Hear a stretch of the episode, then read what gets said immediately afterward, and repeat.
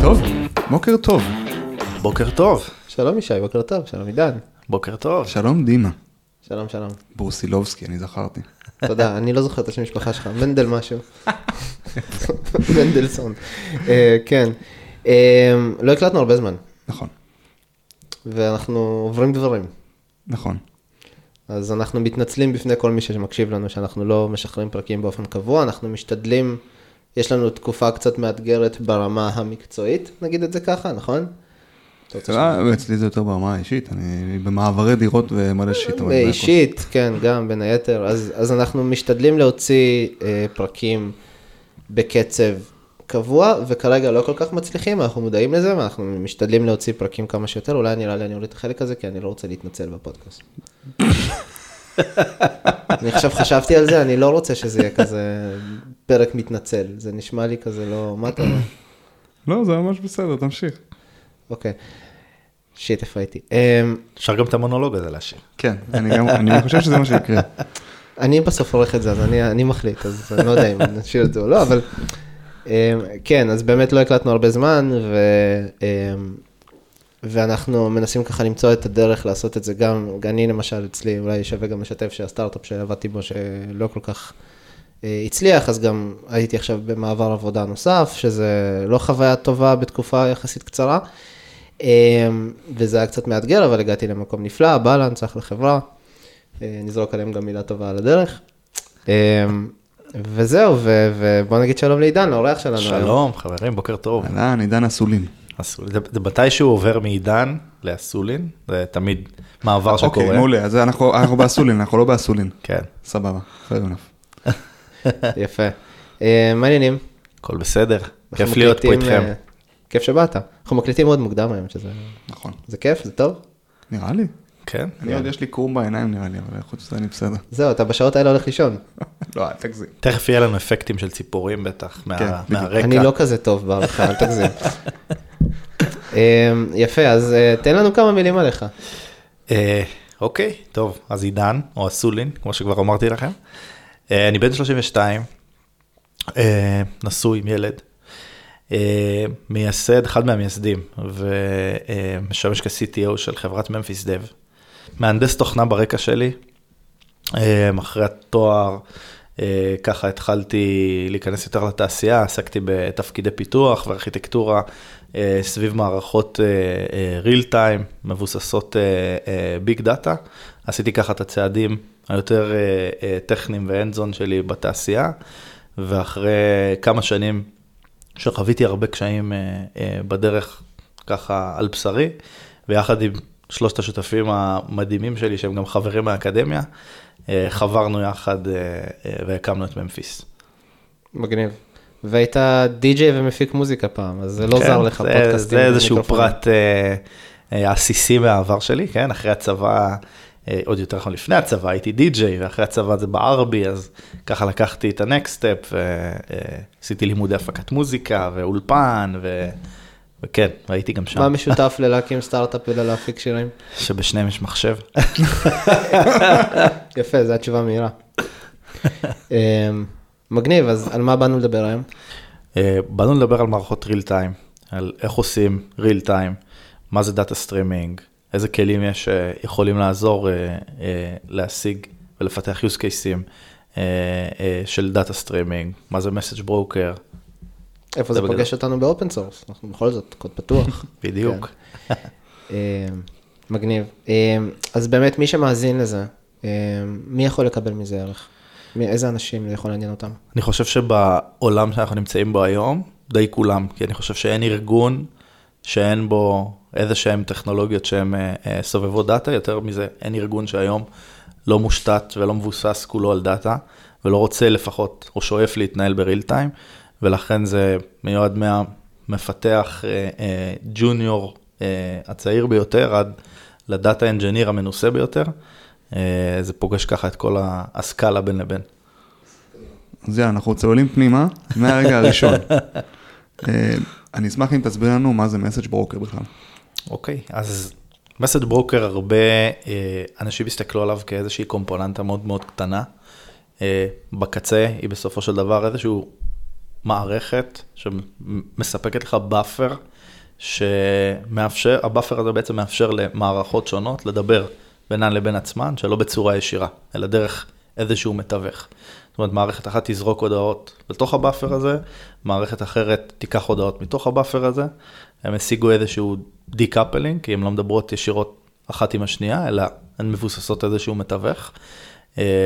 ו message broker הוא למעשה אחראי לכל הלוגיקה שקורית באמצע. זאת אומרת, איך לנהל את ה buffer הזה, איך לספק את ה-API למערכות השונות שמתחברות אליו. אה, יודע להבטיח כל מיני, אה, כל מיני אה, מנגנוני שמירה על סדר, מנגנוני שמירה על כמה פעמים תקבל הודעה מסוימת, על מי יקבל הודעה מסוימת. אז, אז אנחנו, זה מילה נרדפת queue, או שזה משהו שונה? אפשר להגיד שזה סוג של מילה נרדפת ל message queue, כי message broker זה סוג של, אה, אה, של, של הקבוצה שעוטפת את ה message queues, בין היתר, ובין היתר גם מערכות שהן יותר לכיוון ה streaming platform, אה, אז אפשר להגיד שזה כלול בזה. אז בוא רגע נגיד את זה ככה, אנחנו עד עכשיו לא דיברנו על, על הנושא הזה בכלל. בשום פרק שהקלטנו. אולי חשוב גם להגיד שהפרק ו... הזה הוא יחסית טכני. זהו. הולכים, אנחנו הולכים לטבול את הידיים. חשוב עמוק. להגיד שהפרק הזה יחסית טכני, אבל גם אני וגם אתה, ישי, לא התנסינו מספיק, תקן אותי אם אני טועה, מדויק. ב message brokers, במערכות סביב הרבה מאוד data, זה חיסרון שיש בסטארט, בעבודה בסטארט-אפים קטנים יחסית, שאתה לא מגיע לנקודה שבה יש לך הרבה data בשלב ראשוני. תלוי, תלוי סטארט-אפ, אבל uh, במקומות שאנחנו, uh, שאנחנו בדיוק. היינו בהם לא היה את זה. ולכן יהיה לנו הרבה מאוד שאלות והרבה מאוד הבהרות שאולי... Uh, לחלק מהמאזינים יהיו טריוויאליות, אבל אולי גם יכניסו חלק מהמאזינים לתוך הדבר הזה, ואולי יפתחו גם איזשהו עולם חדש. אז אם אני אגיד מחדש את מה שאמרת, עידן, אז תעצור אותי אם אני אומר משהו שאתה לא מסכים איתו, אולי לא אפילו לא מסכים איתו ב-100%. אבל אם יש לנו תהליך סטנדרטי של uh, שרת backend ומישהו שקורא לו, אז יש לנו איזושהי תקשורת ביניהם. client um, פונה ל backend, backend הולך עושה דברים, פונה לאיזשהו database, מקבל תשובה חזרה, מחזיר. אה, או סליחה, לא מקבל תשובה, או שהוא דוחף ל database או שהוא מושך מה database, נכון? Backend יודע לעבוד מול database, זה משהו שהוא יחסית סטנדרטי וטריוויאלי ורוב האנשים עושים. ו message brokers בהקשר הזה, זה בעצם, אני יכול להגביל את זה ל service אחד ב backend שכותב ל database, ו service אחר ב backend שקורא מה database, נכון? ואני יכול להפוך את ה database הזה, פשוט להחליף לו את השם, ולקרוא לו message broker ופשוט לשנות טיפה את איך שהוא מוגדר. אה, אפשר להתייחס לזה ככה, למרות ש message brokers הם אה, פחות אה, מסתכלים עליהם כ database, אלא כאיזושהי תחנה זמנית ל data, לפני שהוא עובר או ליד הסופי שלו או ליד הבא שלו. איזשהו צינור, איזשהו stream כזה. בדיוק, בדיוק. אבל קונספטואלית, זה בעצם משרת מצב שבו אני לא רוצה להיות גם זה שקורא וגם זה שכותב, נכון? אני רוצה להפריד ביניהם, כי מי שקורא יכול להיות אני יכול שאני לא מכיר אותו בכלל, ומי שכותב זה יכול להיות מישהו אחר, לא יודע, שירות כלשהו, אה, שלא בהכרח, אתה יודע, אין ביניהם קשר, נכון? אז, אז ההפרדה שאתה מציין היא יותר לוגית, כאילו, היא, היא יותר תבוא יותר מרצון של לקחת איזשהו מונוליט, אפילו אם הוא לא יותר מדי גדול, אבל מכיל יותר מדי לוגיקות שבא לי להפריד, לאיזה שהם שני מיקרו סרוויסים, והמסאג' ברוקר הוא מה שנקרא, יישב בין שני המיקרו סרוויסים שעכשיו יצרתי, אחד קורא, אחד כותב, mm-hmm. ויאפשר להם מה שנקרא להזיז ביניהם את המידע. אז מה יגרום לי לרצות להשתמש באחד כזה? אז אני, אני, אני חושב שאולי אפשר ו... לקחת את זה עוד יותר קדימה, דיברתם על, על סטארט-אפים, ובדרך כלל שבאמת בסטארט-אפים פחות נוגעים ב, בטכנולוגיות מהסוג הזה, כי אין הרבה דאטה, אז באמת, אני, אני אתן ככה סוג של תפלו, איך בכלל, איך בכלל מגיעים ליום שאתה אומר, למה אני צריך message broker? אז בדרך כלל, כמו שאתה אומר, סטארט-אפים מתעסקים לרוב עם סקיילים קטנים, אה, אם זה לא איזה סטארט-אפ שעוסק עכשיו במשהו שהוא ספציפי, אה, פתרון ל big data. וסטארט-אפים מטבעם אוהבים לרוץ מהר, אוהבים לכבוש יעדים מהר, רוצים להגיע תמיד לאיזשהו MVP מאוד מהיר, ובאמת הצורה הכי אה, אה, טובה ומהירה שאנחנו מכירים היום זה לבסס מערכות שהן אה, אה, מבוססות תקשורת REST לדוגמה, או gRPC או, או GraphQL לדוגמה, אה, ולבס, ו, ומערכות שמתקשרות בפרוטוקולי תקשורת מהסוג הזה, הן מערכות טובות. הבעיה היא שבדרך כלל שמגיעים לאיזשהו scale מסוים, מתישהו סטארט-אפ גדל והסקיילים שלו הולכים וגדלים, ולרוב בנקודת זמן הזו, מתחילים לשים לב שהפרוטוקולי תקשורת האלו לא מחזיקים מים. למה? כי הם לא מספקים שום שכבת, שכבה שמספקת איזשהו reliability ל data שעובר על גביהן. אתן דוגמה, שלחתי הודעת REST, אם עכשיו ה micro service לא זמין לשרת אותי, כי הוא נתון תחת הפצצה של, אה, אני לא יודע, 3,000 איבנטים בשנייה, הוא פשוט לא יענה לי. ה event הזה ילך כנראה לאיבוד, אלא אם כן אני מספיק אחראי ככותב ה micro service לשים אותו איפוש, איפשהו בצד. וכאן נכנס לתמונה עולם ה message broker, שאומר לפרק את הצורה שהסרוויסים שלי מדברים בה, ובמקום להסתמך על פרוטוקולי תקשורת פחות אמינים במרכאות, הם יותר stateless, mm-hmm. לעשות שימוש באיזשהו פרוטוקול תקשורת שהוא יותר stateful, לשים את הבקשה, את ה event שלי באיזשהו buffer, והצד השני, כשיהיה זמין ויוכל לשרת אותו, הוא ישרת אותו. זה בעצם הופך את כל הסוג תקשורת, זה, זה, זה ממש שינוי ארכיטק, ארכיטקטוני עמוק. כי כל צורת התקשורת שלי הופכת להיות מסינכרונית לאסינכרונית. אה, ולרוב סטארט-אפ שחווה את המעבר הזה, זה, זה מעבר שכבד לו. Mm-hmm. כי הוא בנה MVP שעובד לו, הלקוחות שלו כבר מורגלים למשהו שעובד, והוא צריך לקחת את המוצר, לשבור אותו ולהרכיב אותו מחדש סביב איזשהו מנגנון שמאפשר לו לתקשר בצורה אחרת. זה, זה גם אחת ההמלצות למה אני ממליץ בנקודת זמן הזו, אה, כי אנחנו יודעים שה, שהמסלול הזה קורה, להתחיל מה, מהפרדיגמה המבוססת מסאג' ברוקר, ופחות להשתמש בפרדיגמה אה, השנייה.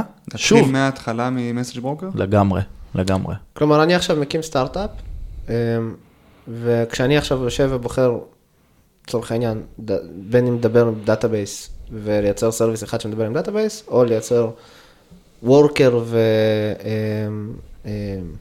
ו server, writer, נכון? עם איזשהו queue, אז אתה, אתה אומר, אני כבר מההתחלה אבחר ב-queue.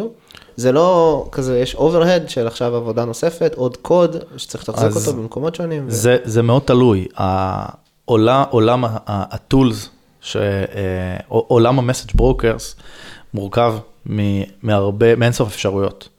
הרבה כלים כמו Rabbit, כמו Pulsar, כמו קפקא, כמו ממפיס, כמו Pub/Sub וכולי וכולי, שלרוב אתה תתחיל מכלי שהוא יותר קל לעשות עליו onboard, יכול להיות שהוא פחות robust-י, אבל לפחות הוא ישרת אותך ברמה שתבנה את הארכיטקטורה שלך כבר בצורה שמדברת ככה, ואז ה overhead יקטן, וככל שתגדל, במקרה הכי גרוע תעבור לכלי שהוא יותר robust-י, אבל לפחות ארכיטקטונית אתה כבר מורגל לדבר אסינכרונית, ו... אה, ואתה כבר שם מהבחינה הזו. מגניב. אני, אני, אני חייב לחלוק עליך. אוקיי. Okay.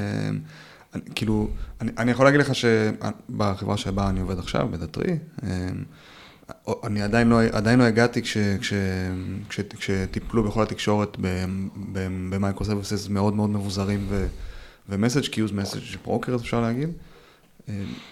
ה overhead היה מאוד מאוד גדול, ובסוף, בסופו של דבר, זה, זה לא היה שווה את זה, כי, כי לא היה מספיק stream כדי להחזיק את זה. אז כן היה פה אה, סוג של over engineering כזה. זהו. מה שאתה אומר... אני, חושב שלגבי מה שאמרת, זה מאוד גם תלוי בכוח אדם שיש לך, אם הוא מחזיק את ה skillים הרלוונטיים, כדי באמת לעבוד עם, עם סוג הטכנולוגיות האלו. כי כמו שאמרתם, הרבה developers היום לא נוגעים באזורים האלה, אה, הרבה מאוד מה, מהעבודה עם הכלים האלה נמצאת לרוב אצל data engineers שיוצרים איזה שהם כל מיני שכבות אבסטרקציה למפתחים, בארגונים שככה אה, יש להם את האפשרות להחזיק כוח אדם אה, יותר מבוזר ויותר לחלק את תחומי האחריות ל data engineers, מפתחים וכולי. אבל שוב, זה, זה, זה לחלוטין עניין של השקפה. כאילו, יכול להיות שהיום ב scaleים שאתם נמצאים בהם, הצורת הארכיטקטורה שבניתם משרתת אתכם, וזה אחלה. אני לא אומר ש REST זה לא טוב, REST זה מצוין. ל scaleים מסוימים ולסוגי use cases מסוימים. למשל, תסכים איתי אה, שאם היית צריך להעביר טרנזקציות בנקאיות ולא היית מוכן לאבד אפילו event אחד, יש פה חשיבות ל reliabilityות, להבדיל מ front-end שפונה עכשיו להביא את רשימת כל ה userים, שהוא סביל, אה, אני לא יודע, לקבל אחת ל-5,000 בקשות 500. חד משמעית. אני, מה שאני התייחסתי אליו זה דווקא המקום שבו אמרת, סטארט-אפ יכול להתחיל, או, או, או כדאי שיתחיל מ message brokers. וזה משהו שאני, אני שואל אותך, אתה, אם יש נגיד סטארט, סטארט-אפים שעכשיו נמצאים במקום שבו הם צריכים front שידבר עם back, בלי הרבה, בלי הרבה עבודה ובלאגן בפנים. האם שם אתה ממליץ להשתמש ב message brokers? אני חושב שזה תלוי באיזה שלב הוא נמצא, כי אם זה רק בשביל הוכחת היתכנות, מה שנקרא, כדי לרוץ למשקיעים, להראות להם איזשהו פרוטוטייפ, לחלוטין לא, אין, אין צורך להרים כל פרוטוטייפ בצורה הכי best practice uh, שאפשר. אבל אם אתם כבר ב next step, הוכחתם את ההיתכנות שלכם, אתם רוצים מה שנקרא לבנות את, ה, את האלפא הראשונה שלכם, שתהיה סוג של ה production הראשון שלכם, אז אני אישית ממליץ שכן. מעניין, ממש מעניין. הזכרת בשתי מילים אמ, על אה, כלי open source שקיימים היום בתחום. נשמח אה, שקצת תרחיב על זה. אז למעשה, כמעט כל ה message brokers שקיימים הם open source. RabbitMQ, אני לא חושב שאין אחד שלא מכיר, גם אם לא עבד, זה, זה שם מאוד מאוד מאוד מאוד מוכר. קפקא, אה, גם שם מאוד מוכר, הוא נולד ב LinkedIn. אה, ככה איזה פרויקט in-house של LinkedIn שעשו, שגם לא עמדו בסקיילים שלהם, בנו לעצמם איזשהו מוצר in-house שהלך והתפוצץ עם השנים, אה, ונמצא היום ב-90% מה-Fortune 100.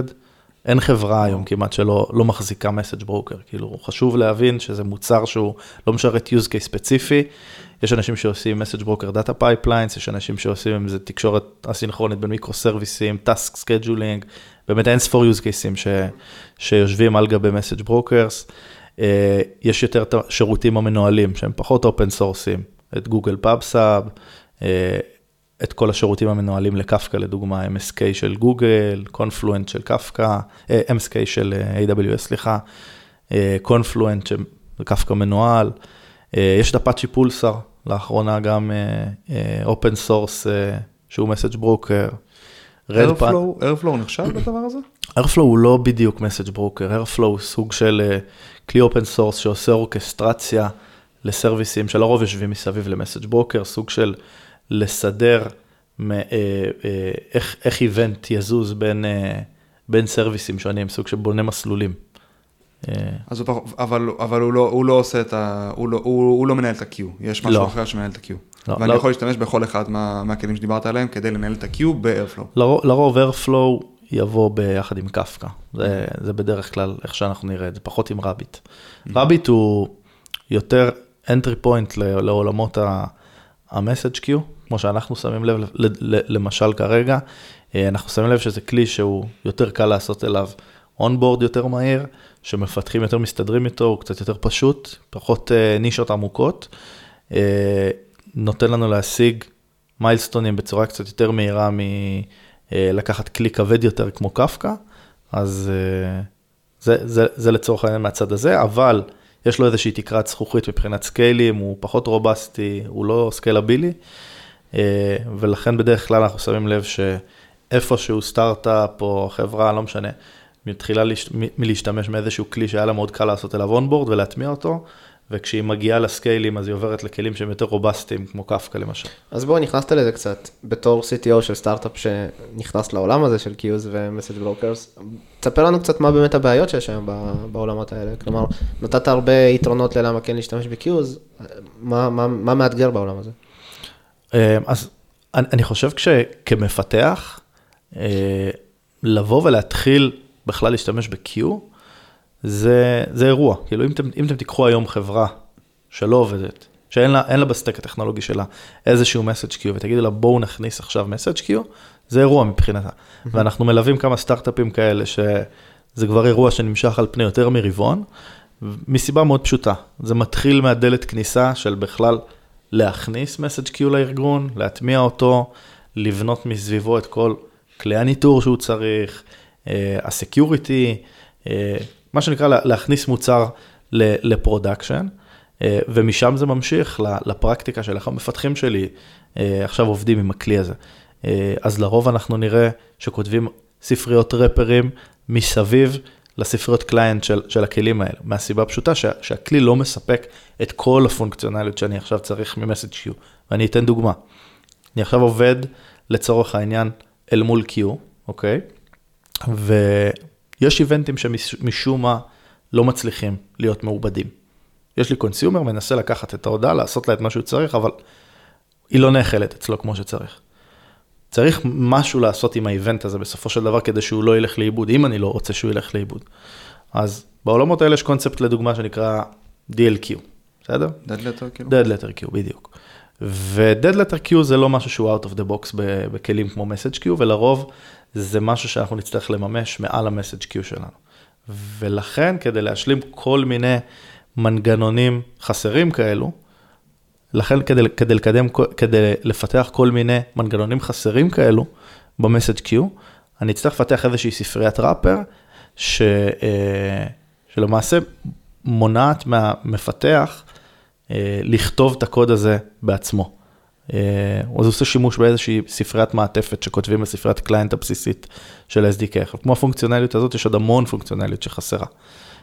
וכל הפונקציונליות החסרה הזו שאנחנו מדברים עליה, אנחנו רואים שכל חברה וחברה למעשה זקוקה לה, mm-hmm. וזה בעיה, שאם אם כל כך הרבה חברות צריכות את זה, וזה מכנה משותף של כל כך הרבה חברות, אה, היינו מצפים לראות את זה בכלי כמו message queue. אז אם זה open source, לא הגיוני שפשוט מישהו ידחוף את זה פנימה? כלומר, זה... למה זה לא קורה? אתה יודע, גם רביט MQ, גם קפקא זה כלים מאוד מאוד פופולריים בגיטה.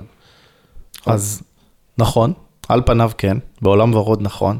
אה, זה כלים, אני לא יודע אם למי, למי שיצא להסתכל ב repo של קפקא או ב repo של Rabbit, זה בדרך כלל code base מאוד מאוד מאוד מסובך, אה, שלרוב קשה מאוד להיכנס אליו ולצלול אליו, ולהכניס פיצ'ר כל כך עמוק, זה בדרך כלל רק על ידי המיינטיינרים של, של ה repository, אה, וניתן כדוגמה את את קפקא, אוקיי? שהמיינטיינרים שלהם זה חברה מסחרית שנקראת Confluent, שהם עושים את הדברים האלה, אבל הם לא נותנים אותו ב open source. הם שומרים את זה לצד ה commercial של המוצר שלהם יותר. אז מי שרוצה את זה יכול פשוט לשלם. כן, go. אני? כן. טוב. אוקיי, אז הבנו ש message broker זה משהו שהוא חשוב מאוד בשביל מערכות דאטה, סטרימינג ולהתמודד עם כל מיני תהליכים שאנחנו לא רוצים לאבד, נגיד, נכון? אמ, האם זה מספיק? האם צריך עוד דברים? אז לא. בדרך כלל אה, במערכות שמבוססות סטרימינג אנחנו נמצא message broker, נכון, אבל זה אף פעם לא מספיק. כי אם יש message broker זה אומר שהגענו לאיזה שהם סקיילים מאוד מאוד מאוד גדולים של דאטה, וכשה scale הוא מאוד מאוד גבוה, אז הפתעות יכולות לקרות, אה, עוד יכולות מסוימות נדרשות, ולכן בדרך כלל במקומות שיש message broker אנחנו נמצא כלים נוספים. שמשלימים פונקציונליות חסרה, לדוגמה, כלים כמו Spark או Flink, שהם גם open source, שעוזרים לעשות stream processing, לעבד כמויות גדולות של מידע, זה משהו שצריך לדעת איך לעשות אותו, זה אה, צריך לבזר אותו על כמה מכונות, וזה בדיוק שני ה open source ים האלו, מה שהם יודעים לעשות זה לקחת כמויות מאוד מאוד מאוד גדולות של מידע ולבצע עליהם processing בצורה נכונה, נקרא לזה ככה, זה דבר אחד. דבר שני, כשהרבה דאטה נכנס ושהסרוויסים שלי כתובים בצורה כזו שמסתמכת על, אוקיי, אני יודע איך הדאטה שלי נראה, אני אקבל את הדאטה ואני אעשה עליו פעולה מסוימת. פתאום מגיע איזה event סורר, שבמבנה לא נכון, בפורמט לא נכון, שדה שאני חושב שיהיה לי לא קיים, ואת כל העולם הזה של ניהול סכמה או בקונספט שיותר הולך ו, ומדברים עליו היום, מה שנקרא data contracts, אה, זה משהו שצריך לנהל, ומה שצריך לתת עליו את הדעת, וגם לזה יש כלים שיודעים אה, אה, להיכנס ו, ולתת לו מענה. יש אנשים שמשתמשים בטכנולוגיות כמו דרויד כדי לעשות את זה, יש אנשים שכותבים את היכולות האלה בעצמם, כסוג של פונקציונליות חסרה, אז בהחלט זה אף פעם לא רק המסאג' ברוקר. טוב, אז uh, אנחנו מדברים על מסאג' ברוקר בפרק הזה. ודיברנו על, אה, על רביט, על קפקא, על קפקא, אה, אבל אה, במקרה ה-CTO של ממפיס דב נמצא כאן. אנחנו נשמח נשמח קצת לשמוע יותר על ממפיס דב ו, ו, ועל ההבדלים בין, אה, בין שלושתן. ועל זה שזה open source, הלו, קוד פתוח. נכון. כן, ברור. אה, חשוב. זה- כן, נכון, לא- לא אמרתי את זה, זה open source. לא, אז- גם, אתה יודע, שנייה, אני אעצור אותך רגע לפני שאתה עונה. מעניין אותנו גם, ה- אתה יודע, החוויה שלכם מלהיכנס לעולם הזה של open source, גם מה- מהמקום הזה של אמ, לנסות לה- להמציא טכנולוגיה, לא להמציא טכנולוגיה אולי, אבל כן להציג איזשהו פתרון שלא היה קודם, אה, בעולם שהוא כזה, שמפתחים חיים בו. נכון? אני מניח שזאת אחת הסיבות אולי להיכנס. ל open source. אז יאללה גו. אה, אז טוב, במי- במילה הכי, ב-one line explanation, מה זה ממפיס, אז ממפיס היא open source message broker, סיכמתם את זה שניכם אה, ככה בצורה יפה. אה, אבל ממפיס היא, אם אני רגע צריך לשים אותה איפשהו בסקאלה בין רביט שדיברנו עליה קודם, לקפקא שדיברנו עליהם קודם, איפשהו באמצע. אם אמרנו שבדרך כלל סטארט-אפ יתחיל מרביט כי זה קל, ואפשר לממש את הפרדיגמה, אבל יש איזו תקרת זכוכית, ומהצד השני יש את קפקא שהוא מאוד מסובך, אבל הוא robustness ומתאים לסקיילים ככה מאוד גבוהים, אז ממפיס היא איפשהו בדיוק באמצע, היא מאוד onboard פשוט וקל, אה, מאוד נוחה למפתחים להשתמש בה, אבל מצד שני גם מספקת את הסקיילים שאפשר להרוויח מכלים כמו קפקא, אה, וכל זה מה שנקרא עם Developer Experience שהוא מאוד fun תוך כדי עבודה. אה, פרט לעובדה הזאת, אז דיברנו על הרבה פונקציונליות חסרה שמגיעה מ message brokers, וממפיס למעשה דואגת לתת איזשהו ecosystem, מוצר שהוא מאוד הוליסטי למפתח של כל מה שתצטרך יימצא במוצר אחד, לא תצטרך להיות expert באיזה 100 טכנולוגיות כדי לבנות את ה-use case מבוסס דאטה שלך. אה, אז אנחנו נותנים כלים כמו כלים לניהול סכמה, אה, dead letter out of the box, אה, UI, שאין בה- במערכות האחרות. למה, זה רביט הכל- MQ יש אחלה UI. זה, זה לא בדיוק רשמי של המוצר, זה, אני יודע שזה סוג של add-ons שמתקינים אה, על גבי. זה הכל open source? הכל open source. הכל open source. לממפיס כרגע אה, אין אה, אה, מוצר cloud, אמנם בתוכניות, אבל אה, אה, כרגע אין לנו מוצר cloud. אה, אז הכל open source. אנחנו מספקים המון כלים של Data Observability וכלים לעשות troubleshoot למפתח שהם אה, אה, בצורה הרבה יותר אה, אה, נעימה ונוחה. זהו בגדול. אז למה open source? אז message broker, הפרסונה המרכזית שלו היא המפתח. ומעצם העובדה שהפרסונה המרכזית שלנו היא המפתח, אני לא חושב שיש דרך טובה יותר לעשות engagement עם ה users שלנו מאשר להיות open source בעצמנו. כל ה-roadmap של ממפיס מוכתב מה community, אה, אם זה features שאנחנו רוצים להכניס, אז הם קודם כל עוברים ולידציה עם ה users, אם זה features שבכלל לא אנחנו חושבים עליהם וה community מעלה, אז זה הדברים הראשונים שמקבלים עדיפות. אה, זה, זה אחת הסיבות המרכזיות ביותר למה ללכת ל open source למוצר שפונה למפתחים, ל dev tool. אני חושב שגם זאת אחת הסיבות למה כל המתחרים שלנו הם כמעט open source. אה, אז יצא לכם כבר אה, לקבל contributions שעשו ממש, לגמרי. יודע, שינוי מהותי במוצר? אז קודם כל, מבחוץ? אז קודם כל, לאחרונה, ממש לאחרונה קיבלנו uh, contribute, contributions משני קונטריביוטרים מדהימים, שתרמו ממש SDKים שלמים, אחד לג'אווה, אחד לקוטלין, וואו. uh, שזה ממש ספריית SDK שלמה, מגניב. כן, לגמרי, uh, ולחלוטין אנחנו מקבלים גם contributionים בקור של המוצר עצמו, uh, אנשים שעושים שינויים ממש בליבה, uh, וכן, זה משהו שאנחנו מתחילים לראות אותו שהוא ממש במגמת עלייה, ואנחנו באיזושהי נקודה שגם חצינו בהתחלה, כשרק התחלנו, היה לנו אה, איזשהו שלב של contributions שהם יותר דאמפ כאלה, כל מיני תיקוני רידמי וכאלה, דברים שאנחנו... אה, אה, כן, זה הכי קל, גם כן. DevOps, GitHub Actions כאלה, כן, בטח ואז התחלת קיבלת איזשהו בדג' כזה שאתה מופיע בריפו עם... אה, כן. אה, ועכשיו אנחנו רואים הרבה contributions שהם הרבה יותר עמוקים, הרבה יותר אנשים שלוקחים אחריות, ממש מנהלים שיח בגיטאב ריפוזיטורי הפאבליקי שלנו, אז לגמרי רואים עלייה ב- באיכות של ה-contributions. מדהים. ממש אדיר. איך אתם אה, עושים את התעדוף של ה... אתה יודע, יכול לבוא לך מישהו שפותח לך אישו שרוצה איזשהו פיצ'ר, ולכם יש משהו אחר מאחורי הקלעים שאתם רוצים לעשות. איך אתם מתמודדים עם הדברים האלה? אז קודם כל יש לנו community manager מדהימה בחברה, שיודעת לעשות את הדברים האלה באמת בצורה מדהימה. בגדול, מגיעה, היא מגיעה, סליחה שאני עוצר אותך, היא מגיעה מעולם של פיתוח? לא. זה סופר מעניין, שהיא נכון. מצליחה כאילו להבין את ה- להבין את המקום לא, הזה. זה נשמע וכן. כמו עבודה של product manager יותר. היא לומדת מהר, והיא שואלת המון שאלות, והיא סקרנית, אז אני חושב שזה גם מה ש... מדהים. שעושה את זה מוצלח. אה, ו- ואיך זה קורה בפרקטיקה? אז בגדול כל ה-roadmap שלנו פרוס ב account GitHub שלנו. ל users יש אפשרות לעשות שם upvotes, אנחנו שמים לב לדיונים שיש בערוצים הפנימיים של, של ה Discord של ממפיס למשל וכולי.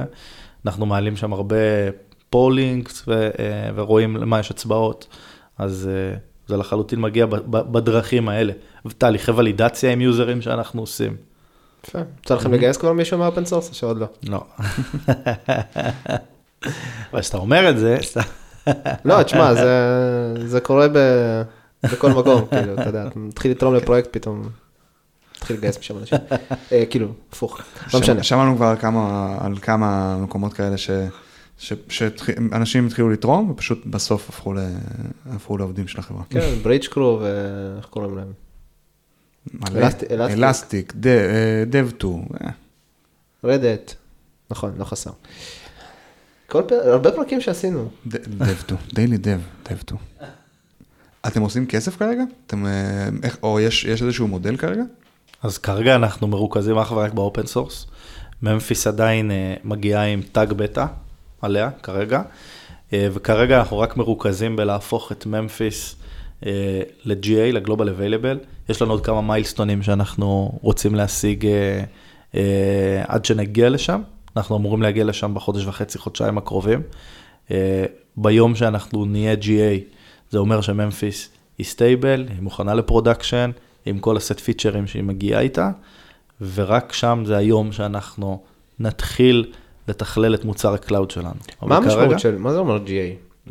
פעם ראשונה נתקל במונח הזה. אוקיי, אז ב- בעולם ה open source, בדרך כלל יש ריצה אה, ראשונית, שבדרך כלל בגרסאות ה-0 נקודה משהו, מהמם. אה, שמגיע עם tag בטא, זה אומר לחברות, לארגונים בחוץ, אה, אה, שיכירו שאנחנו עדיין במצב אז בטא. GA זה מקביל ל... אה, GA זה אומר- major version? בדיוק, בדיוק. GA זה ה major version הראשון, זה בדרך כלל 1, בדרך כלל 1.0.0, וזה אומר שהמוצר, production grade מלא, קחו לפרודקשן, תרגישו חופשי ו...